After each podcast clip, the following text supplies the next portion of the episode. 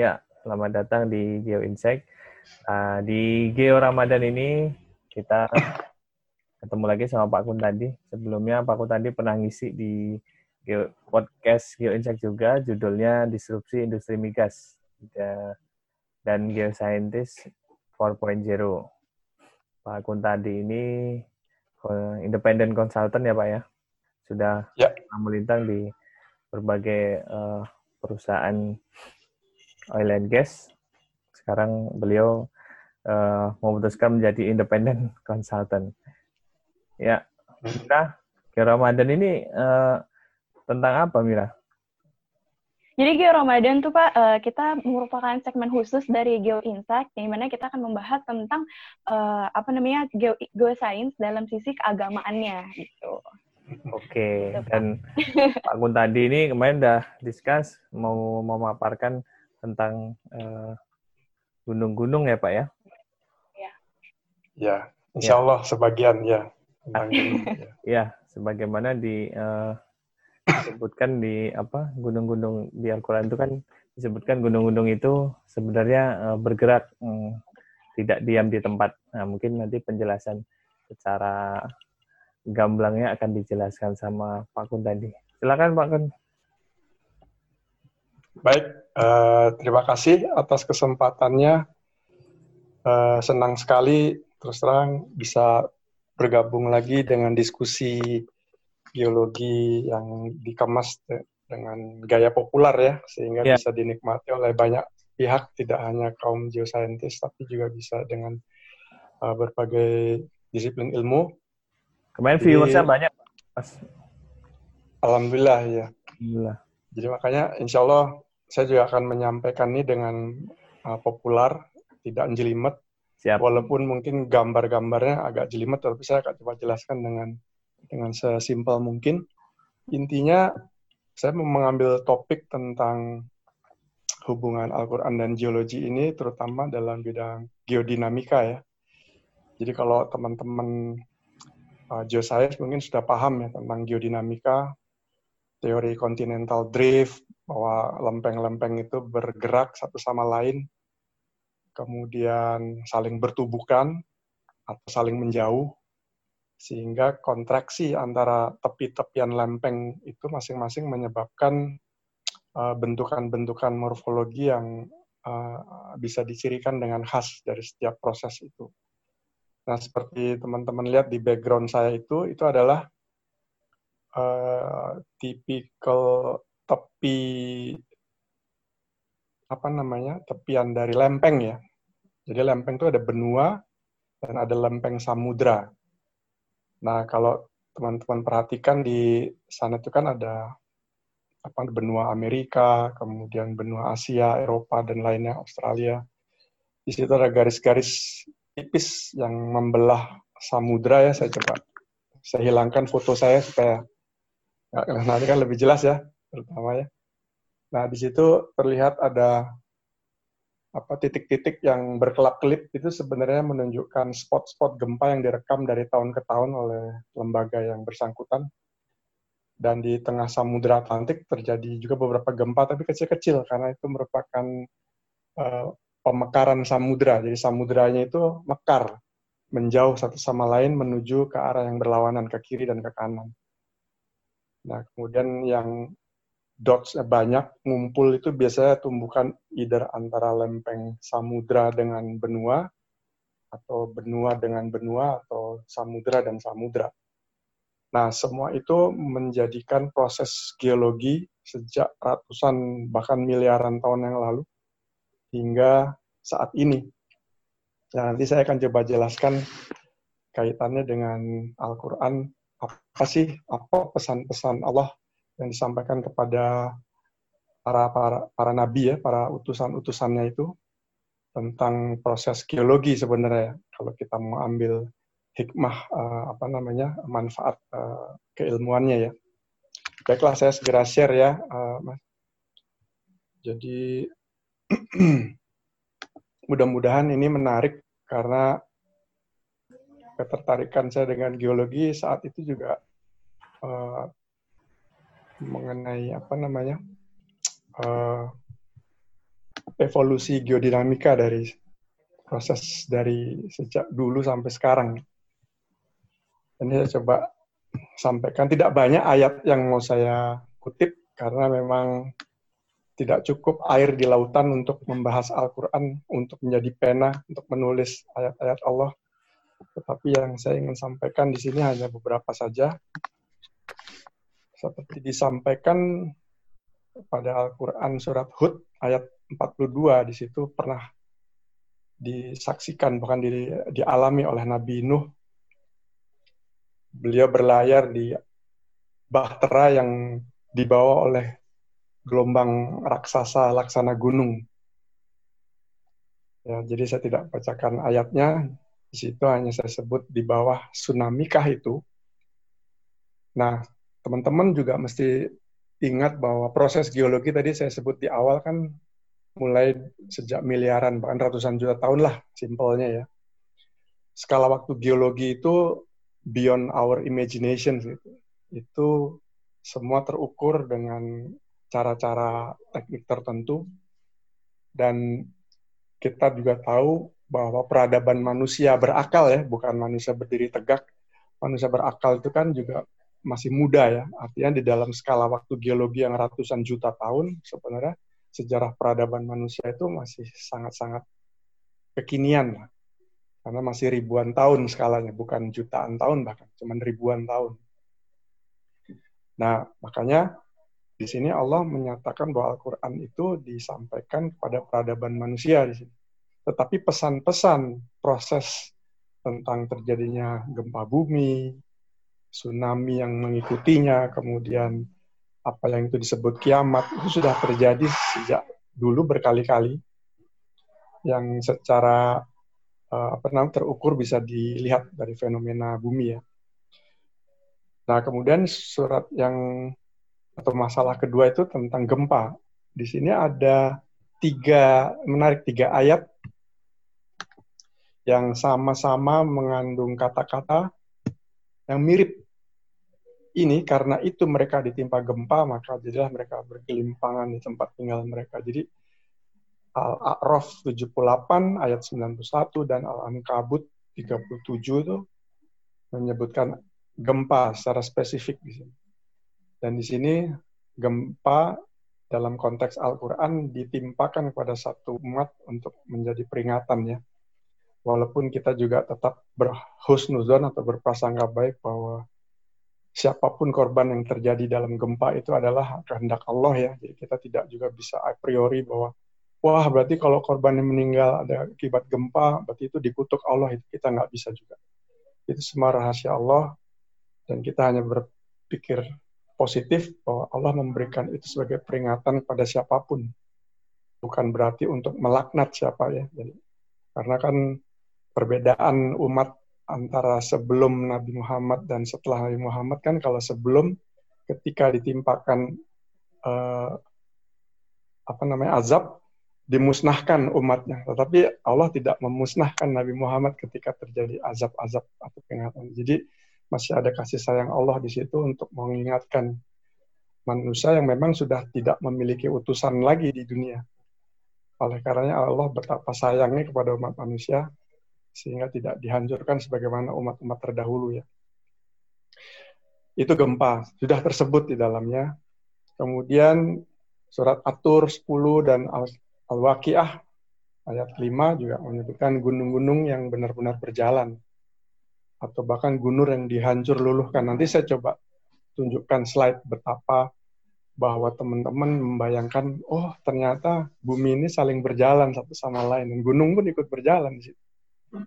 Dan dihancur luluhkan ketika terjadi proses-proses pertemuan antara dua lempeng tadi yang, yang disebut dalam istilah ilmiahnya subduction, yaitu pertemuan antara lempeng benua dengan lempeng samudra, atau collision, antara lempeng benua dan benua. Ya, nanti saya jelaskan lebih uh, detailnya lagi. Nah, kemudian kan kita mengaitkan dengan, oh kalau begitu kiamat sudah berkali-kali terjadi. Iya, mungkin itu yang dikategori sebagai kiamat kecil.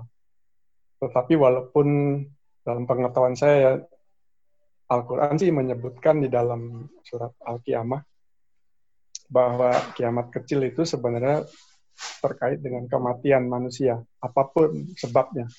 Entah dia meninggal karena sudah tua, atau karena sakit, atau bahkan bayi meninggal pun itu sudah disebut kiamat kecil. Ya, jadi terkait dengan peradaban manusia yang Allah sampaikan dalam surat Al-Qiyamah ini. Nah, seseorang telah mendesak sampai ke kerongkongan nafasnya ya.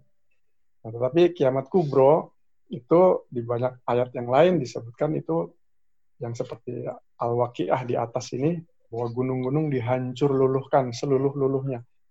Yang artinya mungkin sudah tidak bisa uh, terulang lagi sehingga prosesnya berhenti Ya, jadi kalau yang dijelaskan oleh uh, skala geologi ratusan juta tahun sudah terjadi berkali-kali gunung dihancur luluhkan itu berarti bukan termasuk kiamat besar karena dia masih berulang lagi, masih terjadi lagi sampai sekarang. Bahkan di masa depan yang kita nggak tahu. Baik, itu outline-nya. Mudah-mudahan teman-teman bisa uh, apa, mendapatkan ini ya, uh, gambaran sebenarnya. Nah, ini saya mau mengajak teman-teman mengenal dulu apa yang dinamakan teori continental drift. Ini adalah sebuah teori yang dipaparkan oleh Wegener dan kawan-kawannya sebenarnya di awal abad 19. Jadi Wegener ini sebenarnya dia tidak bisa membuktikan apa yang dia bayangkan, apa yang dia hipotesakan. Jadi dia mengatakan bahwa awal mula muka bumi itu adalah sebuah daratan yang luas atau dia sebut superkontinen yang beliau namakan sebagai Pangea. Nah ini kalau teman-teman lihat di sini, ini adalah Pangea dengan konfigurasi di umur sekitar 280 juta tahun, 250 juta tahun di sekitar Permian yang lalu. Nah, di sini hipotesanya baru terbukti bahwa memang betul apa yang dibayangkan oleh dia setelah ada teknologi sonar yang dilakukan di lempeng Samudra Atlantik tadi yang teman-teman lihat di latar belakang saya itu, jadi itu di sonar sehingga memang terlihat terbukti bahwa nah di sini bahwa lempeng samudra itu ternyata membelah itu ada di Samudra Atlantik dan ada juga di Samudra Pasifik. Ya, jadi membelah dan warna-warna ini dibedakan sengaja yang coklat tua, kemudian coklat muda, kemudian pink, ini digambarkan semakin menjauh satu sama lain seiring waktu ya. Dan itu bisa dibuktikan dengan adanya teknologi sonar dan bahkan sekarang diri, direkam dengan data seismik ya, refraksi ya. Jadi hipotesanya baru bisa dibuktikan dengan empirik 30 tahun setelah beliau wafat. Dan ironisnya Wegener ini meninggal di uh, Siberia pada saat dia mau membuktikan beberapa hal lagi tentang hipotesanya. Ya, ya, jadi ini membelah, mengeluarkan mahma, kemudian mahma yang mengering didesak ke, ke tepian, ke kanan dan ke kiri. Dia terus menghasilkan mahma. Itu yang lautan, sehingga dia menjauh. Nah, continental drift itu simple. Dia hanya menggam, me, me, me, melakukan apa membuat hipotesa itu dengan empat hal kalau teman-teman lihat ada empat gambar di tepi ini, dia menggambarkan masing-masing A, B, C, D yang di kalimat yang di bawah ini, yang di sebelah kiri. Bahwa beliau dengan teknologi kartografi yang sudah cukup maju di awal abad 19, memperlihatkan kesamaan bentuk garis pantai dari Amerika Selatan dengan Afrika Barat. Itu saja, dia bilang, ini dulu pasti pernah bersatu That's it, itu hipotesa dia. Tapi dia ditanya kenapa, nggak bisa jawab.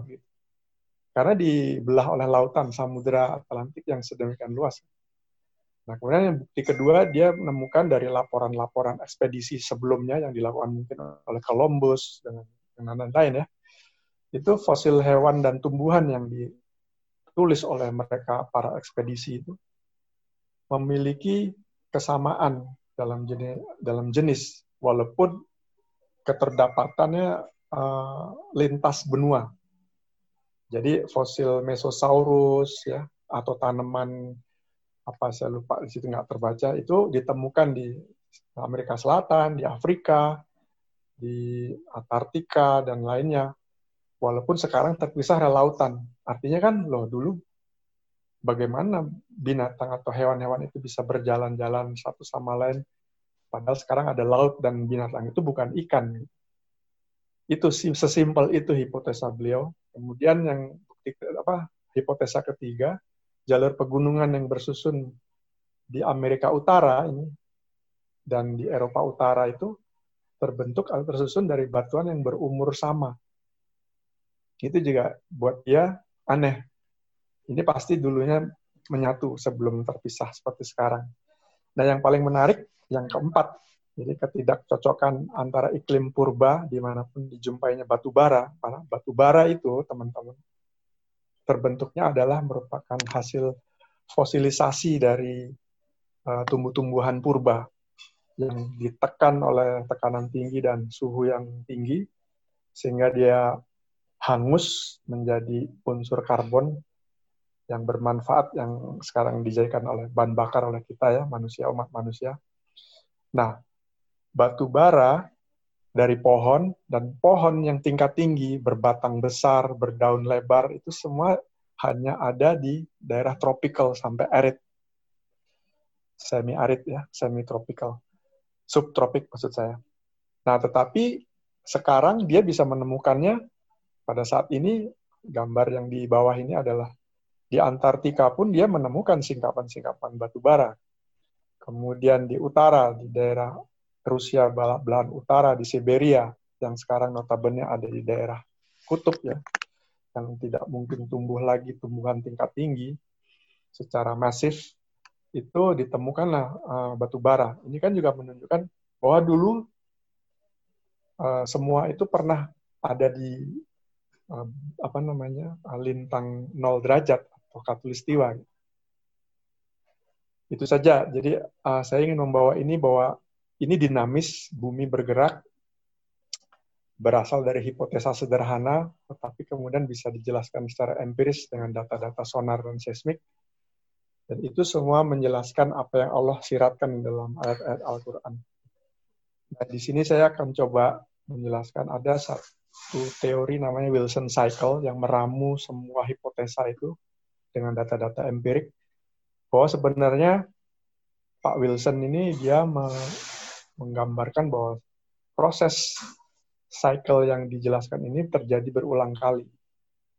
Jadi pertama merupakan satu superkontinen tadi yang disebutkan sebuah daratan besar ya, yang Anda lihat di sini Pangea ini. Di sini semua lautan yang putih. Ini laut yang putih. Hanya ada satu daratan. Nah, satu daratan ini kemudian terbelah. Ini yang disebut rifting kalau di dalam uh, teori pemekaran ya. Di tengah benua terbelah dan terbelah sempurna hingga muncul lempeng samudra di antaranya. Dan kemudian yang tadinya kedua lempeng benua yang terpisah ini menjauh, ditekan oleh gaya yang berlawanan lagi, menekan kembali, saling mendekat, dan menutup uh, lempeng samudera yang tadinya utuh menjadi sempit lagi, kemudian kedua lempeng benua itu bersatu kembali pada satu ketika. Dan begitu seterusnya nanti. Berulang lagi seperti itu. Dan ternyata memang dari teknologi dating. Dating itu penentuan umur batuan yang menggunakan mineral-mineral radioaktif. Jadi para ilmuwan itu bisa men, uh, menduga perubahan-perubahan itu dari unsur magnetik dan radioaktif dari batuan yang ada di, yang terkandung dalam batuan. Pangea ini generasi terakhir superkontinen sebenarnya. Sebelumnya sudah terjadi enam, setidaknya ada enam kali, kalau tidak mau disebut yang sub-subnya ya, Rodinian, kemudian yang lainnya itu miliaran tahun yang lalu sudah terjadi. Superkontinen berpisah. Jadi satu lagi berpisah. Jadi satu berpisah hingga sekarang Pangea menjadi satu lagi. Dan sudah ter tercerai berai seperti yang teman-teman lihat di globe ya, di bola dunia. Kalau kita sekolah zaman dulu atau anak-anak kita sekarang sekolah. Nah itu dulunya bersatu sebelumnya. Nah, ini akan saya tunjukkan pelan-pelan saja bahwa pergeseran bumi ini terjadi. Kalau saya klik pelan-pelan ya, ini saya balik lagi, saya klik, ini terjadi pemekaran samudra di selatan. Jadi belahan selatan Pangaea itu disebut Gondwana. ini asal mula Indonesia ini. Jadi ini Cimerian ini bagian selatannya adalah Pulau Sumatera kalau teman-teman bisa lihat mungkin terlalu kecil ya. Dia jadi Sumatera itu dulunya berasal dari belahan bumi selatan yang kemudian ratusan juta tahun bergerak menuju ke Katulistiwa ini garis Katulistiwa purba yang digambarkan oleh Metcalf 2011. Ini terjadi di Paleozoikum umur yang uh, lebih dari uh, 200 100 juta tahun. Kemudian ini yang terjadi di umur Mesozoikum. Ya, jadi Jurassic kalau teman-teman ingat film Jurassic Park. Ini Jurassic itu sekitar umur berapa 160 juta tahun ya. Nah, di sini Pulau Sumatera sudah docking, sudah ada di sudah sampai di Katulistiwa. Tetapi kalau teman-teman lihat di sini ada SWB ini, Southwest Borneo ini bagian barat dari Kalimantan. Ini masih ada di belahan bumi selatan. Ini berangsur-angsur kalau saya pelan-pelan lagi saya uh, klik ya. Ini makin muda lagi ke early Cretaceous, 120 juta tahun, anda lihat Southwest Borneo menuju ke Katulistiwa, kemudian lagi sudah gabung di situ pada umur akhir Kapur, 80 juta tahun lalu, dan di awal uh, tertiary ya, di Middle Eocene. Nah, ini bentuknya baru kelihatan sekarang. Nah, teman-teman lihat India, kalau tadi mungkin memperhatikan Indonesia, sekarang saya mundurkan lagi sedikit. India juga berasal dari selatan, tidak serta ada di situ. Nah, India pada saat Cretaceous 80 juta tahun yang lalu masih di selatan Katulistiwa. Kemudian di umur tertiary yang 50 juta tahun, dia sudah merangsek ke utara dan terus merangsek. Ini saya kasih tahu yang umur tertiary. Ini 3D dimensi, tiga dimensi dari yang dilakukan rekonstruksi ya, rekonstruksi paleotektonik oleh Robert Hall tahun 97 jadi teman-teman lihat bahwa benua Australia dan India yang awalnya tadi berkumpul di Gondwana atau ini ya bagian selatan dari Pangea berangsur-angsur selama ratusan juta tahun bergerak ke utara. Apa akibatnya kalau eh, teman-teman bisa bayangkan masa benua yang sedemikian besarnya bergerak kemudian bertabrakan satu sama lain dengan yang kuning. Jadi India, Greater India yang dari selatan menabrak benua Laurasia, bakal bakal Asia dan Eropa ini, ditabrak, dirangsek, sehingga timbullah Gunung Himalaya. Jadi kalau teman-teman menggunakan kertas, tekan aja kertasnya di atas meja ya, ditekan di dua sisinya, nanti dia akan melengkung, dia akan naik begini. Jadi kalau kedua benda padat bertemu, dia pasti akan kecenderungan akan naik. Nah, itulah Gunung Himalaya. Itu pun yang terjadi di Pegunungan Jayawijaya itu juga akibat collision, pertemuan antara dua lempeng benua yang naik ke atas. Ya, jadi teman-teman bisa lihat di sini rekonstruksi geologi yang menjelaskan kenapa gunung berjalan. Gunung yang ada di dataran India lama kan berjalan ya ikut dengan benua lamanya sampai bertemu dengan gunung barunya nanti gunung Himalaya. Nah, kemudian jajaran gunung api yang ada di tepian barat Sumatera dan Jawa pun juga itu akibat pergesekan. Ini kesimpulannya. Jadi kalau lempeng benua yang hitam ini bergesekan dengan lempeng benua yang coklat, gesekan panas ini mengakibatkan lelehan magma yang muncul ke permukaan karena tekanan terobosan tekanan dari bawah menghasilkan apa yang disebut gunung api. Jadi kalau saya mau mengajak teman-teman, mumpung sekarang lagi biasa cuci tangan, kan, coba teman-teman sekarang gesek-gesekkan kedua telapak tangan dengan cukup cepat, dengan ditekan dengan cukup uh, keras ya, pasti teman-teman akan merasa panas lama-lama kan? Panas, iya Pak. Iya. Nah itu bayangkan ini pergesekan lempeng benua dan samudra pun ber, berlangsung ratusan juta tahun bisa menghasilkan panas juga sehingga dia menghasilkan panas yang menerobos ke permukaan menjadi gunung-gunung api yang berjajar dari sepanjang Sumatera, Jawa sampai ke Sulawesi, ke atasnya sampai ke Jepang. Itu akibat pergesekan antara dua lempeng itu. Nah, ini pemekaran samudra yang saya contohkan di awal, berlawanan, kemudian ini tubuhkan antara dua coklat menjadi collision ini pembentukan Himalaya dan pegunungan Jayawijaya. Jadi gunung ada yang berupa gunung api, ada yang berupa gunung bukan gunung atas uh, apa namanya kontraksi pertemuan antara dua lempeng yang yang saling bertumbukan. Itu saja teman. Nah ini saya hanya menyampaikan atau mungkin mau di di stop dulu, uh, Mangga atau ada pertanyaan Mas Nurholis atau Mbak Irma, silakan sebelum saya lanjutkan. Kalau yang mau saya lanjut, saya lanjutkan. Uh, Mira, mau lanjut dulu aja kali ya?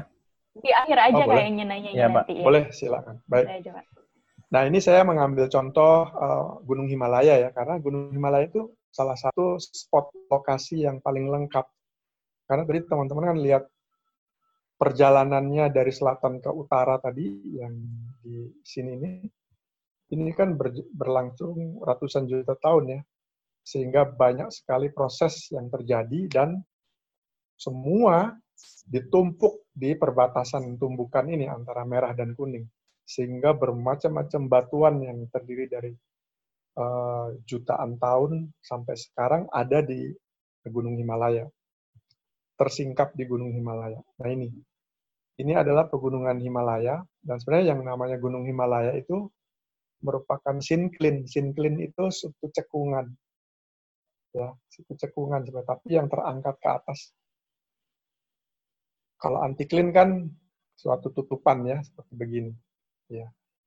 Nah, kalau menariknya uh, pegunungan Himalaya ini yang warna biru muda ini, ini diwakili oleh cekungan. Ini sama dan menariknya sama dengan yang ada di Pegunungan Jayawijaya pada saat saya ber, berkunjung ke tambang Freeport di Grasberg atau Esberg dulu ya, diundang oleh IPA bersama teman-teman Freeport. Kami melihat dari kejauhan dari tambang Grasberg itu bisa melihat puncak Gunung Jayawijaya pada saat cuaca cerah itu ter terlihat Sinclair Yellow Valley atau lembah kuning ada di puncak gunung dan batuannya bukan batu gunung api tapi batu gamping umurnya Meosen luar biasa. Jadi memang itulah kebesaran Allah. Kalau teman-teman bisa bayangkan batu gamping atau batu kapur itu layaknya ada di lautan. Karena dia kaya akan foraminifera atau biota-biota laut yang hanya hidup di lautan, di air. Tetapi sekarang teman-teman bisa lihat ada di atas Gunung Himalaya, ada di atas Jayawijaya, atau yang simple di Padalarang lah kalau teman-teman. Padalarang itu kan Gunung Kapur juga. Bagaimana yang tadinya di laut bisa terangkat menjadi daratan dataran tinggi menjadi gunung. Itu tadi Allah jelaskan bahwa Allah goncangkan bumi, Allah tabrakkan satu sama lain menjadi gempa bumi, menjadi gunung-gunung dan berjalan. Itu ya yang yang yang kita manusia bisa jelaskan secara empiris apa yang Allah maksudkan itu ya seperti itu. Nah, jadi yang menarik lagi ada batu granit yang disebut lekogranit. Granit itu adalah batuan beku ya teman-teman. Batuan beku itu batuan keras, bukan bukan seperti batuan sedimen batu beku yang asalnya dari magma. Tapi batuan batuan granit yang ada di gunungan Himalaya ini hasil dari pembekuan yang awalnya lelehan dari batuan sedimen yang termetamorfikan. Jadi metamorfism itu adalah batuan sedimen yang dikenakan tekanan dan temperatur tinggi karena himpitan tadi ya, karena tabrakan dua masa besar. Kan dia tadi tangan kita jadi panas. Yaitu batuan sedimen itu terpanggang sehingga menjadi batuan metamorf. Yang asalnya tadi batuan sedimen menjadi batuan metamorf. Tetapi karena suhunya semakin tinggi lagi meleleh. Dan lelehan itu menjadi batuan beku lagi luar biasa proses alamiah yang Allah ciptakan yang sekarang bisa dijelaskan oleh manusia itu seperti itu. Betapa dahsyatnya proses tumbukan masa bumi yang yang terjadi sehingga menjadikan batuan yang sudah padat meleleh menjadi padat kembali. Nah, ini batuan metamorfik yang tadi saya jelaskan juga terdapat di sepanjang Gunung Himalaya dengan derajat uh, metamorfisme yang berbeda-beda. Kalau yang di Sinclair Tethys Himalaya tadi merupakan batuan metamorf yang suhunya rendah tetapi tekanannya tinggi. Artinya dia ada di permukaan tidak terlalu dalam. Dia hanya tertekan oleh gesekan dua lempeng masa raksasa, tetapi tidak tenggelam jauh di bawah bumi. Tetapi kalau yang silimanit yang ada di Great Himalaya Sequence ini, dia temperaturnya tinggi kalau teman-teman lihat di uh, apa namanya diagram ini, tapi bisa terbentuk di tempera di pressure yang rendah. Jadi bermacam-macam proses metamorfik luar biasa. Himalaya spot lokasi yang paling lengkap. Dan yang menarik lagi adalah adanya salt, garam. Ini lagi-lagi garam ini kan dihasilkan oleh lautan yang apa ya terisolasi. Sehingga dia tidak punya aliran ke kiri ke kanan ke atas ke bawah. Dia tertutup sistem lautannya. Sehingga ketika musim panas dia terevaporate. Dia menguap air. Nah uapnya itu menjadi garam nah di sepanjang Himalaya khususnya di tambang ini Himalaya yang tadi ya mulai dari Bhutan Nepal ini Pakistan kemudian India ini Tibet. Yang ditambang secara ekonomis adalah yang di bagian Punjabi di Pakistan Utara. Dan sekarang saya dengar dari istri saya, garam Himalaya masuk di Indonesia, sudah digunakan oleh ibu-ibu untuk masak. Nah ini hasil dari garam yang diendapkan pada proterozoik. Proterozoik itu bahkan miliar tahun satuan. Diduga dari umur lautannya udah berumur satu miliar tahun. Percaya atau tidak percaya, sekarang ada di atas Gunung Himalaya, dan sekarang kita konsumsi sebagai bahan apa masakan. Jadi sebenarnya itu saja. Nah ini saya hanya memberikan gambaran ke teman-teman bahwa betapa tuanya bumi yang sudah kita huni ini. Dan manusia itu hanya ada di atas ini, epoch ini. Bahkan tidak ada di dalam skala ini karena masih ribuan tahun. Kalau ini kan jutaan tahun. Million years ago. 2 juta tahun, 9 juta tahun, 13 dan seterusnya 100 juta tahun. Hingga 500 juta tahun nanti Cambrium. Tadi lautan yang terisolasi yang menghasilkan garam Himalaya itu justru lebih tua dari ini umurnya.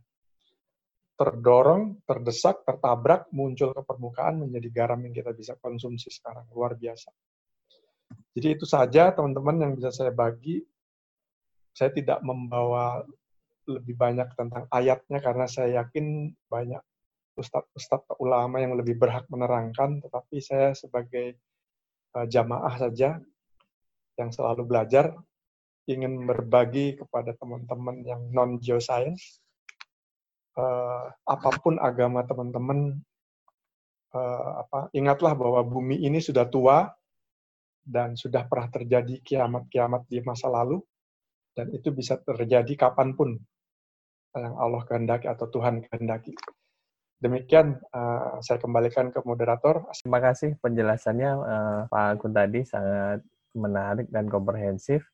Uh, Mira bisa disimpulkan?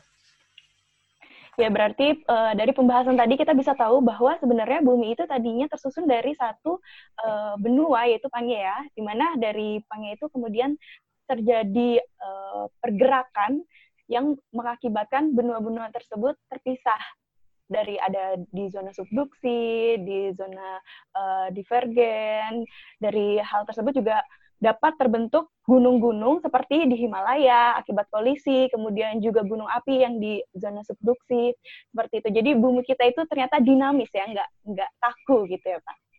Ya, persis. Ya. Oke. Okay. Uh, eh, Siapa? Iya Pak, saya ingin tanya nih Pak Kun. Di dalam Al-Quran kan disebutkan uh, bahwa gunung itu uh, sebagai pasak dan uh, supaya tidak tergoyahkan gitu. Mungkin bisa dijelaskan, Pak, maksudnya sebagai pasak itu bagaimana?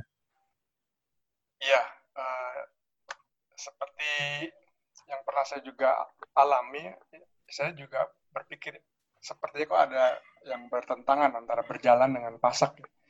Tetapi ternyata ada penjelasannya. Di sini saya coba share lagi, sudah kelihatan teman-teman? Kelihatan, Pak. Iya. Nah, jadi saya membuat barusan membuat anak panah di sini. Jadi ada dua hal. Satu hal adalah ketika dikatakan gunung berjalan itu adalah terkait dengan masa besar di mana gunung ada di dalamnya ya. Jadi gunung itu ikut bergerak. Jadi di Australia ada gunung, di India uh, purba ada gunung, kemudian di Afrika dan di Amerika Selatan pun ada gunung yang berjalan bertemu dengan subduksi segala macam tadi. Nah, itu menjelaskan tentang yang berjalan, tetapi secara detail, lebih detail lagi apabila kita melihat di gambar ini, bahwa zona subduksi antara yang hitam ini lempeng samudra dan yang coklat lempeng benua, dia karena tadi kita exercise tangan gesek-gesek makin panas, dia menimbulkan tekanan tinggi, kemudian mengeluarkan jalur magma ke atas sehingga terbentuk gunung api di atas. Nah, jalur magma ini umumnya kita sebut batolit ya sebagai inti dari jalur magma utama sebuah gunung api dan itu kalau kita lihat saksikan di singkapan di permukaan, batuannya sangat keras dan besar, skalanya pasti besar. Nah, itulah yang mungkin saya duga sebagai pasak. Sehingga mungkin kalau tanpa adanya batolit itu, mungkin gunung api yang ada di atas lebih tergoncang lagi mungkin. Jadi tidak ada yang mengikat di bidang batas antara dua lempeng mohon maaf ini ilmu saya yang terbatas tapi kira-kira itu penjelasannya. Ya. ya, siap Pak Kun. Terima kasih uh, penjelasannya. Mira ada pertanyaan juga. Silakan Mira. Ya, saya ingin menanyakan Pak terkait tentang uh, hari kiamat, yang mana tadi kan telah dibahas di uh, Al-Waqiah ayat 5, di mana gunung-gunung dihancurkan seluruh-luluhnya, dan menurut penjelasan tadi itu kemungkinan adalah dari uh, hasil kiamat sugro. Dan untuk dari surah Al-Qari'ah sendiri, di mana yang ayat 5 me memiliki arti dan gunung-gunung adalah seperti bulu yang dihambur-hamburkan. Nah, di situ bulu yang dihambur-hamburkan itu apakah e, berarti keseluruhan gunung api yang ada di dunia ini akan erupsi gitu dan akan hancur e, atau ada maksud lain dan jika memang gunung-gunung tersebut akan hancur secara keseluruhan, kira-kira e, proses geologi apa yang bisa menyebabkan seluruh gunung itu menjadi erupsi dan terciptalah kiamat, gitu, Pak. Ya. Ya, ini tadi seperti juga saya ingin menukil tadi perkataan Nabi Muhammad Shallallahu Alaihi Wasallam ketika ditanya sahabat dengan pertanyaan yang sama tentang hari kiamat. Uh, yang ditanya tidak lebih tahu dari yang bertanya gitu.